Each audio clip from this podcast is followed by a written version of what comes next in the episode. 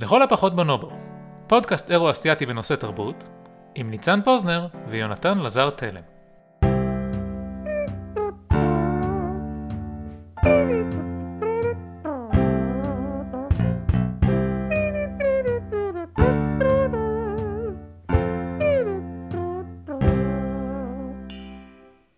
מה פתאום אירוע אסיאתי? מאיפה הבאת את זה?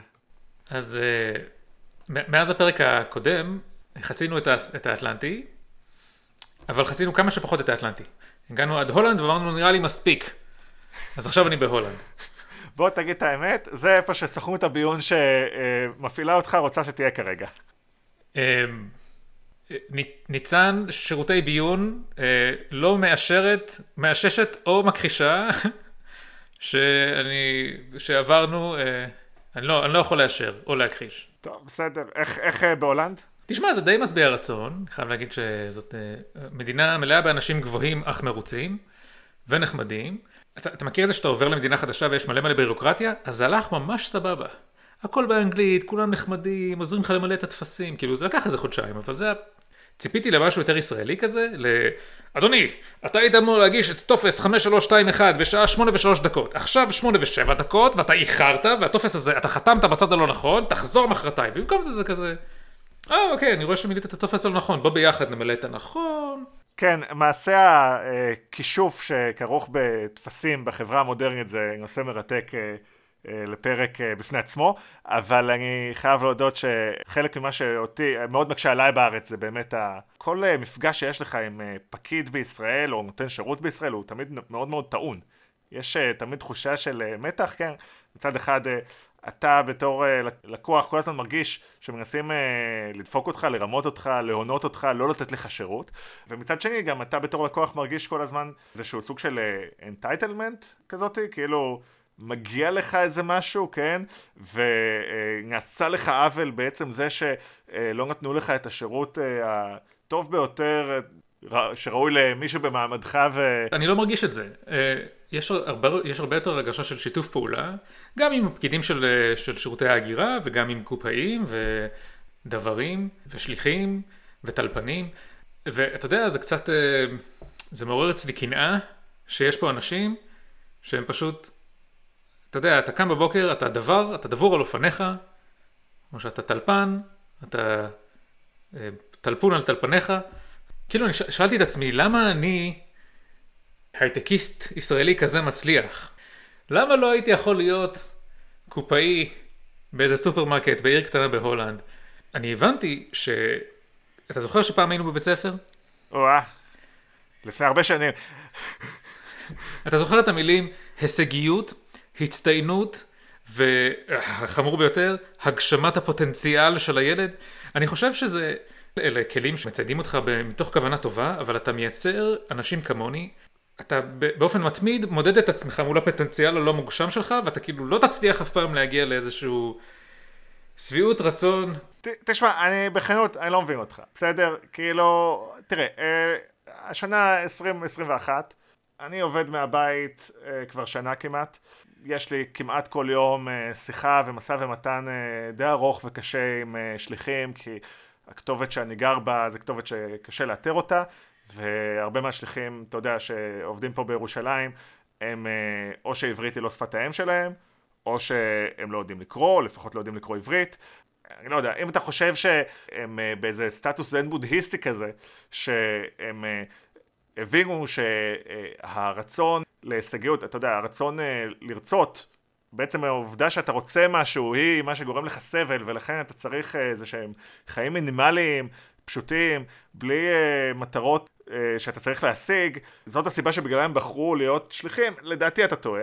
אני די בטוח שאם היו מציעים להם, הם היו מתחלפים איתי בלי לחשוב פעמיים. אני מסכים איתך שכי, שבארץ שטיפת המוח של ההישגיות היא גם איזושהי פריבילגיה, אבל אני לא בטוח אם היית שואל אה, שליח בכרונינגן בהולנד, אם הוא היה רוצה להתחלף איתי ולעמוד פה על הרגליים, אני עובד בעמידה עכשיו, לשבת פה על כיסא שמונה שעות ביום, ושמונה שעות זה מעט יחסית להייטקיסט ישראלי, כן? שמונה שעות ביום להקליד על מקלדת, אני לא בטוח כמה מהם היו קופצים על המציאה, על אף שאני מרוויח פי שתיים מהם. שמע, האמת שאני חושב על הדברים האלה לא מעט בזמן האחרון, במידה רבה בגלל שאני מצפה בקרוב uh, להפוך לאבא. זה מעסיק אותי, אתה יודע, משני הכיוונים. גם מהכיוון החינוכי, מה בעצם הערכים החינוכיים שאני רוצה להנחיל לדור הבא, אה, וגם איך אני מארגן את סדרי העדיפויות שלי. באיזשהו מובן, בתרבות שאנחנו חיים בה, התרבות המודרנית הקפיטליסטית, יש איזשהו מתח מאוד חזק אה, בין הרצון אה, לגדל את הילדה שלך, להיות עם הילדה, להיות נוכח, אתה מביא ילדה לעולם, אה, יש לזה סיבה, נכון? ומצד שני, אתה צריך איכשהו אה, לפרנס אותה. אתה צריך שיהיה לה כסף אה, בשביל לחיות ברווחה, בשביל שהיא תוכל לקבל את החינוך הטוב ביותר, כדי שיום אחד גם היא תוכל להגשים את עצמה. אתה אומר לי ככה, כן, אני שואף להישגיות, אבל אני שואף להישגיות מכיוון שאני יכול להמיר אותה בשכר, ואני צריך כסף, במקרה שלך בשביל המשפחה שלך, אבל אתה יודע, אולי אתה סתם, אתה סתם אוהב לגלוש, או שיש לך תחביבים יקרים, אז למעשה, זה לא שיש איזה אילוצים פסיכו-סוציאליים, אלא זאת כלכלה. החברה הטרום תעשייתית. לא הייתה בסתירה בין פרנסה ואבהות. שני דברים לא עמדו אחד בניגוד לשני, הם אפילו הלכו ביחד, כי החינוך של ילדים היה חינוך של חונכות, כן? ילדים מגיל מאוד צעיר היו מתחילים אה, ללוות את ההורים שלהם למקום העבודה שלהם שהיה בדרך כלל איזשהו שדה אה, והיו עוזרים במעורבות הולכת וגדלה עם השנים אה, היום זה נשמע לנו נורא, עבדות ילדים וכדומה, אבל בכלל לא בטוח שזה היה כל כך גרוע לרווחה הרגשית שלהם. אה, בזמנו, גם אחת הסיבות שהיית צריך לייצר כל כך הרבה ילדים, להביא כל כך הרבה ילדים לעולם, הייתה שצריך ידיים עובדות בשביל לתחזק את הקרקע, וגם אה, חצי מהם היו מתים במגפות, אבל אה, באיזשהו מובן החיים המודרניים די מאלצים אותך להיות רחוק מהילד שלך, וגם האמת היא שהילד שלך, עד שהוא יגיע לגיל, אתה יודע, לפחות גיל עשרה, הבת שלי לא תהיה מסוגלת להבין מה אני עושה בעבודה, כן? הרבה פעמים חשבתי, אם היה לי ילד, או חיית מחמד, כן? הם היו מסתכלים עליי ביום עבודה. מבחינתם זה דבר די טריפי, כן? אתה יושב מול מסך, ואתה בואה בתווים, כן? מה אני עושה שמצדיק את התמורה הזאתי, התמורה הפיננסית החומרית העצומה שאני מקבל? תראה, אתה אומר לי שאתה נקרע מחיק משפחתך כדי ללכת לעבוד, כדי שתוכל לפרנס את הילדים שלך, כדי שהם יוכלו להיקרע מחיק משפחת... משפחותיהם וללכת לעבוד.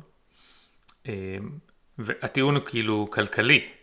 אה, ואני שואל, איך אתה יודע שאתה לא בעצם הולך לעבודה פשוט כדי להוכיח שאתה איש בעל ערך, שיש... אה, אתה, אתה רודף אחרי איזושהי משימה ש... מתבטא בין, למשל אפשר למדוד בכמה כסף שאתה מרוויח, אבל בסופו של דבר אתה בסך הכל אה, משרת איזשהו אתוס שהוטמע בך של הבן אדם העובד, העצמאי, שיכול, ש... היצרן, למה למשל שלא תעבוד, אולי אתה יכול לעבוד הרבה פחות, להרוויח הרבה פחות כסף, להשאיר זמן לתחביבים? אתה יודע, הרבה פעמים אני מהרהר עוד לפני העניין של ההיריון, אני מהרהר מה הייתי עושה בחיים שלי אם הייתי, אתה יודע, נסיך, כן? אם הייתי... אם הייתי בן של מיליארדר, אם באמת הייתי חי באיזה סטטוס שבו אין שום אילוץ כלכלי על החיים שלי משמעותי. אה, אז קודם כל, סביר מאוד להניח שהייתי מתפקר לסמים, כי זה מאוד קשה אה, למצוא תכלית לחיים, אבל אה, בוא, בוא נאמר שהייתי מצליח, אתה יודע, הייתי מקבל את התמיכה הרגשית הרלוונטית לאנשים שגדלים בלי, בלי קושי. סביר מאוד להניח שהייתי מקדיש את הזמן שלי אומנות. עכשיו העניין הוא שאומנות, אתה יודע, יש גם באומנות אלמנטים של הישגיות. הזכרתי פה קודם שהיו לי ניסיונות uh, לכתוב ספר, אני מניח שיום אחד כשהילדים יהיו קצת יותר גדולים אז אני אוכל לפנות לזה זמן וקשב. אני גם די מקווה שאתה יודע, uh, ייפול עליי סכום כסף עצום מהשמיים שיאפשר לי להתפנות לזה, כי, כי אומנות היא, אומנות טובה היא לא בדרך כלל לא כלכלית, או לכל הפחות איזשהו enterprise, איזשהו סיכון, הרפתקה כזאת שהסיכוי שלה להבשיל למשהו עם תמורה כלכלית הוא מאוד מאוד קטן, במיוחד אם אתה לא מלכתחילה מייצר את האומנות על מנת לייצר ממנה כסף, כן? זה, זה, זה סוג אחר לגמרי של אומנות שאני לא מדבר עליו. אבל כמובן, בדברים שאמרתי בדקות האחרונות, יש את הביטוי המוזר שנקרא אומנות טובה. נכון? הרי אם הייתי רוצה סתם uh, לכתוב uh, סיפור קצר, או לא יודע, לצייר או משהו כזה, בלי, עם אדישות לאיכות של התוצר שלי, אז הייתי עושה את זה. זאת אומרת, uh, לא הייתי ככה חושב כל כך הרבה על המתח בין האנרגיה שלי, כן? בין הצורך להקדיש זמן לעבודה, למשפחה וליצירה, שזה כאילו הדבר שאני באמת רוצה לעשות עם החיים שלי. אז באיזשהו מובן הרצון אה, להשיג בתחום האומנות, כן, אה, להצליח, להצטיין, גם בתחביבים שלי, הוא משהו שהוא קצת מטמא את היכולת שלי ליהנות מהאבסייה. מצד שני, אני חייב להגיד שבמבנה האישיות שלי, אם הייתי מייצר אומנות חרא, אני כנראה לא הייתי נהנה מזה בכלל. זאת אומרת, יש גם הנאה מעצם זה שאתה מצליח לעשות. יכול להיות שזה משהו אינהרנטי, אבל לדעתי גם זה ביטוי של...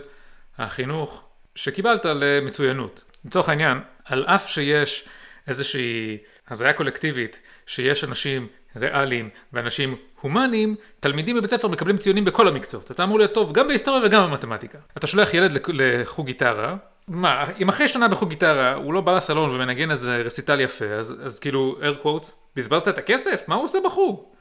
וואו, אתה מזכיר לי סריה שלמה של בדיחות אה, אה, מילדותנו על ילד שמגיע עם התעודה לאבא ויש לו ציון נכשל בכל השיעורים חוץ מזמרה. אז היו שיעורי זמרה בזמן שהבדיחה הזאת נכתבה. ואבא כמובן הולם בילד והילד לא מבין למה והוא אומר עם, עם התעודה הזאתי מה אתה עוד יש לך מצב רוח לשיר? סליחה, אה, סליחה על הבדיחה. אז זה קשה להגיד שאתה לא, בעצם לא צריך להצטיין. על אף שזה כאילו סוג, סוג של הטענה שלי. כי, כי אני חושב שבמדינת ישראל, באופן ספציפי, לא תמיד יש לך ברירה. אני גם שומע את זה מאנשים הולנדים שאני מדבר איתם פה. שהם קצת תמהים על הצורך שלי, ויש לי כאן עוד חבר ישראלי שופט בסטארט-אפ ישראלי, הצורך שלנו כל הזמן להרוויח כסף וכאילו לשמור כסף למקרה אסון, כי הנאצים עוד רגע באים, והם כזה, מה קרה? כאילו יפטרו אותך אז תקבל דמי אבטלה, הכל בסדר, כאילו יהיה לך ילדים, שולחים אותם לגן. אני חושב שבארץ יש איזשהו קשר הדוק מדי בין הצטיינות ופרנסה. תשמע, בעשור הקודם אה, למדתי כלכלה. אם היית אומר לי את מה שאמרת עכשיו, הייתי אומר לך, מצוין, אה, בשוק יעיל. השכר שלך אמור להיות, אה, לשקף במדויק את ה, מה שנקרא תועלת השולית שאתה, שאתה מייצר, כלומר את התרומה שאתה נותן לחברה, כן? אמורה להיות איזה הלימה כזאת. אז אתה יודע, הרי אתה, כשאתה הולך לעבוד, אתה לא עושה את זה רק בשבילך, כן? אתה מגדיל את, אה, את התוצר, אתה אה, משלם מיסים, לא יודע, אתה מרוויח כסף, הכסף שלך מחלחל לאנשהו, נכון? אתה משתמש בו כדי לקנות שירותים מאנשים אחרים, זאת אומרת, יש משהו אפילו אה, פטריוטי בזה שאתה אה, משיג דברים, אתה יודע, אנחנו מדינה שהשיגה לא מעט ב-70 שנה, התחלנו ב... אה, ת, ת, תחשוב באיזה תנאים ההורים שלך גדלו ו... אה, ההורים שלהם, אה, טוב ההורים שלהם, אה, אתה יודע, באמת נמלטו מהנאצים בניגוד אלינו. אז מה שאני אומר, באיזשהו מובן ההישגיות הזאת זה מה שמניע את הכלכלה ומייצר לך רווחה, לא? זאת נקודה חשובה, אני חושב שהשאיפה להצטיינות היא חלק עיקרי מהמודל הקפיטליסטי של שוק העבודה, כי השאיפה להצטיינות בעצם היא ביטוי של, של תחרות, כן? עכשיו, ש, עכשיו שאני חושב על זה, כשההורים שלי היה להם חשוב שאני אהיה תלמיד טוב ויהיה לי ציונים גבוהים. כמה מזה היה בשביל שאני אחר כך אעבוד בחברת סטארט-אפ ישראלית, וכמה זה היה כדי שהם יוכלו להראות את התעודה שלי לשכנים. כאילו. המודל הזה ש, שבארץ שם, שם ילדים בכיתה א' על, אה, כאילו, על, על כל המקומות, שוב, אתה יודע, יש לך פריבילגיה די גדולה לגדול במקום שבו אתה אשכרה שמים אותך על מסלול הריצה, כי יש הרבה אנשים שמראש שמו אותה על מסלול כזה שלא ילך לשום מקום, אבל אתה שם את הילדים על המסלול ואתה אומר להם, תתחילו לרוץ בגלל שבסוף חלקכם יהיו כאילו יותר מצטיינים וחלקכם יהיו פחות מצטיינים ומאלה שמצטיינים יותר הם יוכלו לפרנס את הילדים שלהם ואלה שלא חבל. אני חושב שזה מה שמעצבן אותי, כי אני, הסיבה שאני מקנא בקופאים בהולנדים שטוב להם בחלקם והם מצפצפים את הברקוד כל היום ואז הולכים הביתה ורואים טל... reality television, כאילו, מי יודע שהחיים שלהם כל כך מלאים, אבל אולי הם פשוט דואגים פחות. אתה מבין? כי השאיפה שלי להצטיינות היא בעצם, היא מרדף אחרי איזשהו משהו, אני צריך, אני כל הזמן צריך עוד כסף ולהיות, לא יודע, אני לא יודע אחרי מה אני רודף אפילו, יונתן. אתה יודע, הרבה פעמים אני שואל את עצמי אם uh, זה משהו שהוא מגיע מבחוץ או מבפנים.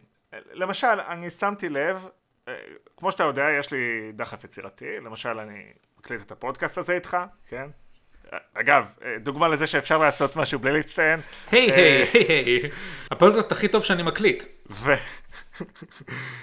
כן חשוב לי לעשות את זה טוב, גם אם, אה, אתה יודע, אנחנו בכל זאת, אתה יודע, אנחנו לא הספינר, כן? אבל אה, חשוב לי לעשות את זה טוב, אבל... ואז אני שואל את עצמי, אה, הרי תקופות שבהן אין לי אה, מרץ יצירתי, הן תקופות שבהן אני די מדוכא. כאילו, זה בדרך כלל, אה, אתה יודע, אם אתה רוצה לדעת מה המצב הרגשי שלי, אתה צריך לבדוק אם... אה, מה עשיתי לאחרונה, האם כתבתי משהו, אה, האם עשיתי איזה פרויקט סקרים מוזר, אה, האם הקלטתי פודקאסט, אם לא עשיתי אף אחד מהדברים האלה, זה, זה סימן שעובר עליי תקופה לא טובה. אפילו אם זה פנימי, זה לא אומר שזה לא הוקנה לך ב-12 השנים שלמדת בהם בבית ספר. מה שאני שואל אותך זה אחרת, איך אני יודע שזה כל כך נורא שאני מרגיש ככה, שאני מרגיש דחף להצטיין? האם אתה מפסיק לייצר כשאתה מדוכא, ואז זה כאילו בסדר, משהו אצלך דוכא.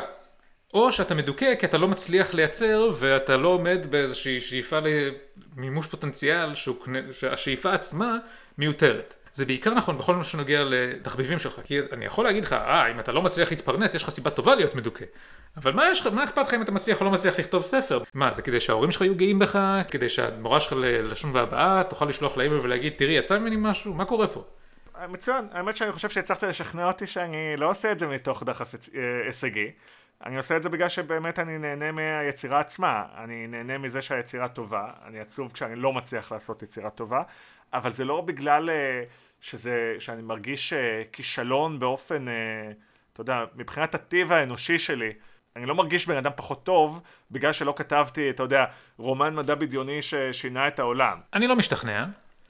אתה אומר, אה, אם הספר לא יוצא, אז כאילו זה לא אומר עליי כלום, אני עדיין יודע בדיוק מה אני שווה. ואני חושב שבעצם יש כאן את אותו, זו אותה שטיפת מוח.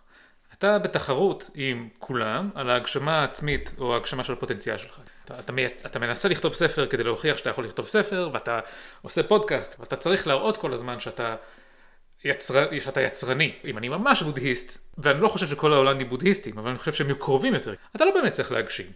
אבל אתה כל הזמן, אתה חי במין מערכת שמודדת אותך על פי התרומה או ההישגים שלך, ואתה כל הזמן צריך להוסיף עוד שורה בקורות חיים כדי להוכיח. כדי להפוך את הקורות חיים שלי לערך בוויקיפדיה.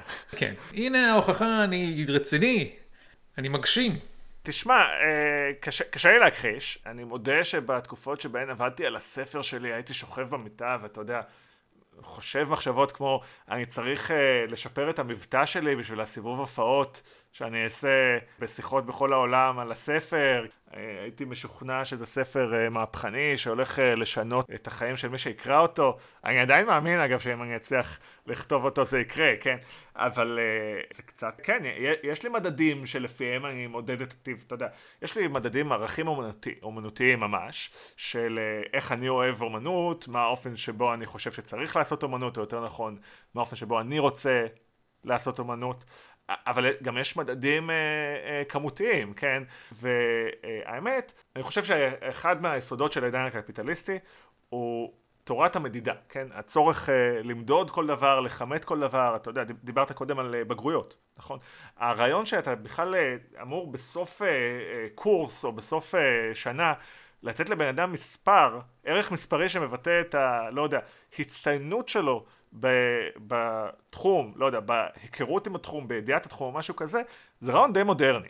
אה, זה רעיון שאם היית לפני 200 שנה בערך, אה, מספר עליו לסטודנטים בקולג'ים הכי אליטיסטיים באמריקה או באנגליה, הם היו פשוט אה, מגחכים עליך, כאילו לא מבינים מאיפה הבאת את זה, אבל זה רעיון שהעוצמה שהוא תפס בחברה שלנו, שמדידה זה לא רק אה, למדוד דברים אה, כמותיים עם גודל, אה, דברים שיש להם גודל בעולם, זה לא רק למדוד את הגובה של ההר הזה או כמה עצים יש במטר מרובע, זה גם למדוד איכויות שונות של, של אנשים, מה שנקרא מדעי הפסיכומטריקה, זה רעיון שהוא, מרגע שהוא אה, הומצא, הוא תפס ושינה את החברה שלנו מן היסוד. זה גם רעיון שהוא באיזשהו מובן אה, נטוע ביסוד של אה, רשתות חברתיות, של אה, קבלה לעבודה, של קבלה לאוניברסיטה ו, ודברים כאלה, אתה יודע, פעם, אה, אתה תספר לי אולי יותר, יותר בוודאי יודע יותר טוב ממני, אבל פעם, כדי להתקבל ללימודים באוניברסיטה או קולג', מה, מה היית צריך אז? תקופה מאוד ארוכה בהיסטוריה, היה די ברור, היו כל מיני נקודות מבחן כאלה, לא, לא מבחנים עם ציונים, אבל נגיד אני חושב על שוליה, שהיה צריך בסוף ההכשרה שלו לייצר מה שנקרא masterpiece, אבל הציון היה בינארי. אפילו הכשרה אוניברסיטאית, למשל להיות עורך דין או, או רופא, היא לא הייתה נמדדת, אלא היית לומד את הדברים, ואז כאילו נהיה רופא, והעסק כאילו בין הסטודנט לאוניברסיטה היה, אתה מקבל את הידע. יש אה, מי שראה למשל את הסמויה, או שלמד אי פעם בבית ספר, יודע את המאבק בין צורך ל... ללמד ילדים בשביל המבחן, לאלטרנטיבה שזה ללמד אותם משהו. מי כאן שלא אמר לפני מבחן בגרות, מחר אני שוכח את כל החומר הזה לכל החיים, הוא מוזר. אתה שול... שולחים את הילדים שלך ל-12 שנים בבית ספר, כשהמטרה היא, טוב, המטרה העיקרית היא לתת להורים ללכת לעבודה ושהילדים ישחקו אחד עם השני, אבל כאילו אתה אומר, אני לכאורה מלמד אותם, אבל למעשה מה שאני עושה זה אני מודד אותם 12 שנה, ואני מודיע להם בסוף 12 השנים האלה, אתה הולך להיות מהנדס, אבל אתה לא. בגיל 6 דוחפים אותך למערכת, ובסופה נותנים לך תעודה שדי אומרת לך בגדול מה אתה שווה בחברה שלנו. וזו תעודה שהיא חורצת גורלות. התעודה הזאת, אה, למשל, היא תקבע אה, לאיזו אוניברסיטה תתקבל, כן, או אם אתה הולך לצבא, היא תשפיע במידה מסוימת על הסיכוי שלך למצוא את עצמך ביחידה שתקדם אותך במסלול ההישגיות הקפיטליסטי בעולם הזה. אבל חלק מהעניין היום, היום כדי להתקבל לאוניברסיטה זה כאילו מריטוקרטי. מה זה אומר? פעם זה היה יותר אריסטוקרטי. אתה היית צריך להיות אציל, אתה היית צריך להיות חלק מהאליטה שרק בפניה הדתות אה, פתוחות, אתה היית צריך, אתה יודע, להיוולד עם אה, כרומוזום Y והפנוטיפים המתאימים. היום מה שאתה צריך זה ציונים, אתה צריך מספרים, שמשקפים את הסיכוי שלך להשלים תואר. כן, זה, זה היום הדבר החשוב, כי, כי גם האוניברסיטאות היום הן ממומנות לפי מודל קפיטליסטי. המימון שלהן הוא מחובר לביצועים. מה זה ביצועים של אוניברסיטה? למשל, מספר אנשים שמקבלים תעודה שאומרת סיימתי, אתה יודע, מה שחשוב זה לא ההשכלה שרכשת בדרך, אם למדת שנה אחת או שתיים באוניברסיטה, זה זמן אה, מבוזבז מבחינת המדינה, מה שחשוב זה שבסוף תקבל תעודה שמכמתת את זה שהרווחת, הפקת השכלה. כיוון שהאוניברסיטה מקבלת תקציב רק על אנשים שסיימו לימודים, סטודנט נושר הוא סיכון גדול עבורה. אני למשל, הסבתי לטכניון אה, נזק כלכלי, בזה שאחרי שנה עזבתי. גם נתנו לי מלגה, מלגת הצטיינות, כן, אני ביום הראשון שלי בטכניון, הזמינו אותי לבמה, נתנו לי תעודה שאומרת, הציוני כניסה שלך כל כך טובים, שאנחנו נותנים לך כסף בשביל uh, זה שתבוא ללמוד אצלנו. בסוף לקחתי את הכסף הזה, היו לי ציונים על הפנים בטכניון, קיבלתי ציון חד ספרתי בחדווה. ונטשתי את הטכניון אחרי אה, שנה, אז בזבזתי להם הרבה כסף, עכשיו, התעודת בגרות שלך היא גם לא מדד מספיק טוב בשביל לשקף את הדבר הזה, היא, היא לא נותנת להם הערכת הסתברות מספיק טובה. בשביל זה המציאו מוסד שנקרא פסיכומטרי. המדדים הפסיכומטריים האלה, בין אם הפסיכומטרי או הבגרויות או מי בוגר אוניברסיטה וכולי, הם ביטוי אולטימטיבי של האינדוקטרינציה לשאיבה להצטיינות, שאומרים לך, לא רק שאתה, לא רק שאתה צריך להצטיין, אנחנו גם נדע בדיוק כמה אתה מצטיין. יונתן, אתה מצטיין 93 מתוך 100, הגברת הזאת מצטיינת 97 מתוך 100, וניצן הוא 31, אין מה לעשות. מצד אחד נוצר לך מצב שבו אתה מודד את האנשים לפי מדדים שהם לאו דווקא המדדים הכי מתאימים כדי לדעת שהם פרודקטיביים. אנחנו בחרנו איזו סדרה של קטגוריות שהקפיטליזם החליט שאלה קטגוריות שיש להן ערך, ואמרנו, טוב, הנה הציונים. מצד שני, אתה מייצר חברה שמודדת את עצמה מול הקטגוריות האלה, ואנשים שואפים להצטיינות בתחומים שהם מדידים, וגם אפשר להמיר אותם בכסף, וזה גם יוצר איזשהו מעמדות חדשות בחברה, בארץ לפחות, כן? בהולנד אנשים הולכים להיות קופאים כי הם רוצים. בארץ, מגיע לך שליח הביתה, אתה יודע שהוא לא רצה להיות שליח. הוא פשוט נכשל בבגרות בהיסטוריה, ואתה עברת את הבגרות בהיסטוריה, אתה מצטיין. עכשיו אני זוכר, אני ממש זוכר שאימא שלי הסבירה לי שאני צריך להצליח בלימודים כדי לא להיות, אה, לא להפוך המבורגרים במקדונלדס. מי שמצטיין לא מצטיין מספיק. מי שלא מצטיין בכלל, אין לו, אין לו עתיד וגם אין אליו כבוד. כן, אני חושב שאחת הסיבות שכשאני מדבר עם טלפן, טלפנים פה בהולנד, זה הולך טוב, זה מכיוון שהם לא חשים חוסר כבוד קבוע מאנשים שמדברים איתם בטלפון. כן, אין להם את התחושת entitlement uh, הישראלית הזאת. לי יש, כי אני באמת כזה מוצלח, אבל... תראה, זה, אני אגיד לך מתי uh, נתקלתי בזה לאחרונה. השבוע עומר מואב, כלכלן, מאוד מאוד קפיטליסטי, uh, שכותב פוסטים בפייסבוק uh, לרוב, שיתף איזשהו גרף שמראה שבמגזר הפרטי, ככל שהציון הפסיכומטרי שלך יותר גבוה, אז השכר הממוצע עולה, ואילו במגזר הציבורי זה לא כך, לא יודע, אתה מורה, יש לך ציון אה, פסיכומטרי 700, אה, אתה לא מרוויח אה, כפול מהמורה שלידך שמרוויחה, שיש לה ציון 600, לא יודע. ומואב הציג את החוסר קשר הזה בין פסיכומטרי לשכר כאיזשהו כשל במבנה השכר במגזר הציבורי. זאת אומרת, הציונים האלה ברגע שהם קיימים, הם צוברים איזשהו אה, משמעות והתייחסות שהיא מעבר למטרה, כן, המטרה המקורית של ציון פסיכומטרי כאמור זה מודל סיכון של האוניברסיטה.